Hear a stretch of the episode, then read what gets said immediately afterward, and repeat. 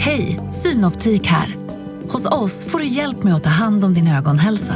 Med vår synundersökning kan vi upptäcka både synförändringar och tecken på vanliga ögonsjukdomar. Boka tid på synoptik.se. Hej och välkomna till Lisa läser. Det är jag som är Lisa. Och idag ska jag läsa Snövit och de sju dvärgarna.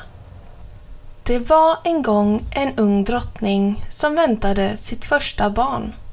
Medan hon broderade drömde hon om barnet.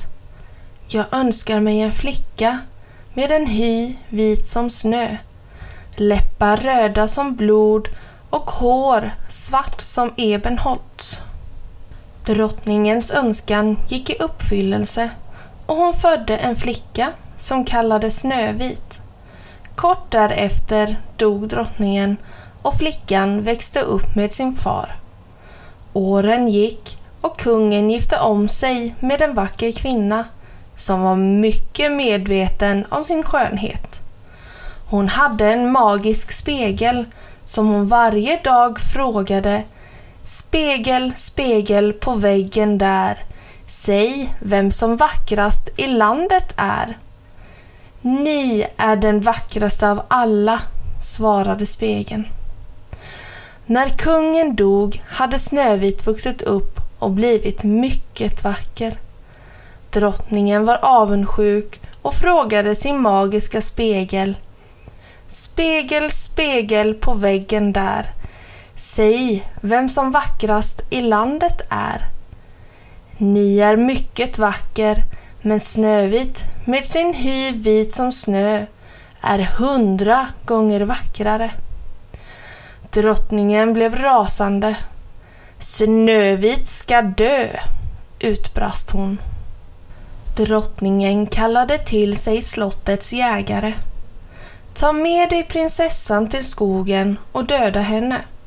Lägg hennes hjärta i det här skrinet och för det tillbaka till mig. Och om du försöker lura mig ska du dö, hotade hon.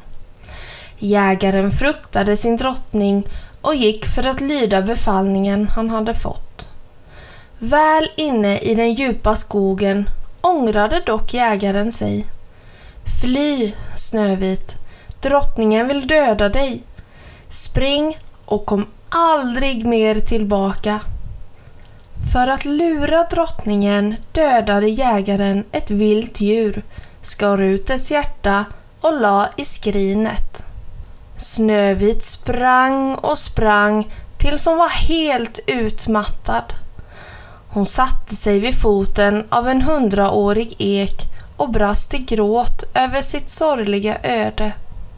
Lyckligtvis fanns där kaniner, ekorrar och rådjur som tröstade henne.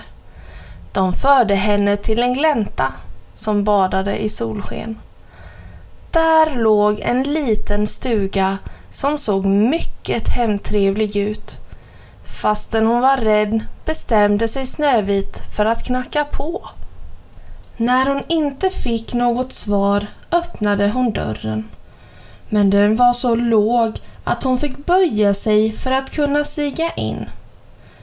Inne i huset var allt smått. Små stolar, ett litet bord och små muggar som om det vore barn som bodde där. Och vilken oreda det var! Vilka det än är som bor här så städar de inte ofta, tänkte Snövit. Hon började städa, diska och snygga till i stugan. När Snövit städat färdigt la hon sig för att vila på de små sängarna.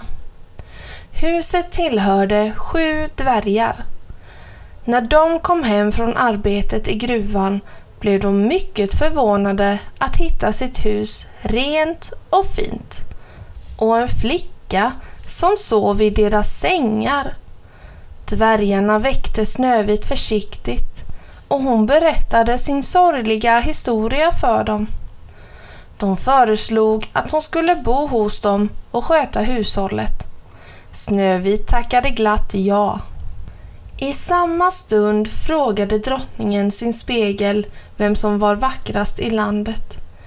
min drottning, Snövit är fortfarande den vackraste i dvärgarnas stuga. Vad säger du? Är hon inte död? Då ska jag själv se till att det blir gjort, väste drottningen. I slottets källare tillverkade drottningen ett dödligt gift. Några droppar på ett äpple räcker för att Snövit ska falla i djup sömn.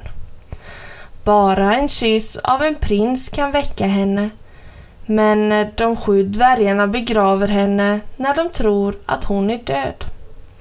Sedan klädde drottningen ut sig till en gammal gumma och gick iväg till dvärgarnas stuga.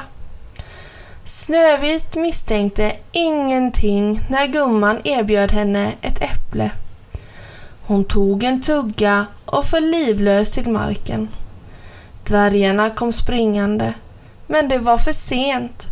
Drottningen var försvunnen och de gjorde allt för att återuppväcka Snövit, men ingenting hjälpte. Dvärgarna kunde inte förmå sig att begrava Snövit. De gjorde en vacker kista av guld och kristall. I den lade de Snövits orörliga kropp på en bädd av vita blommor.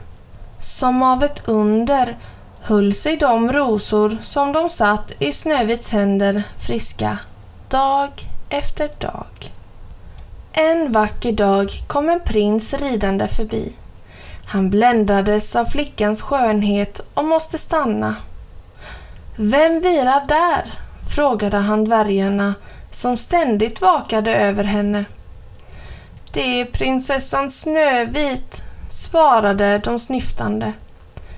Prinsen frågade om han fick lov att kyssa henne. Dvärgarna nickade. Och vid prinsens kyss öppnade Snövit ögonen. Hon levde. Snövit blev genast förälskad i prinsen som hade väckt henne till liv och de sju dvärgarna var överlyckliga. Prinsen undrade om Snövit ville följa med honom till slottet och det ville hon. Redan nästa dag gifte de sig och skildes aldrig mer åt. Dvärgarna lovade att hälsa på dem ofta och de höll sitt löfte. Vad? Lever Snövit fortfarande? Fördömda spegel! Det är omöjligt! Drottningen blev ursinnig.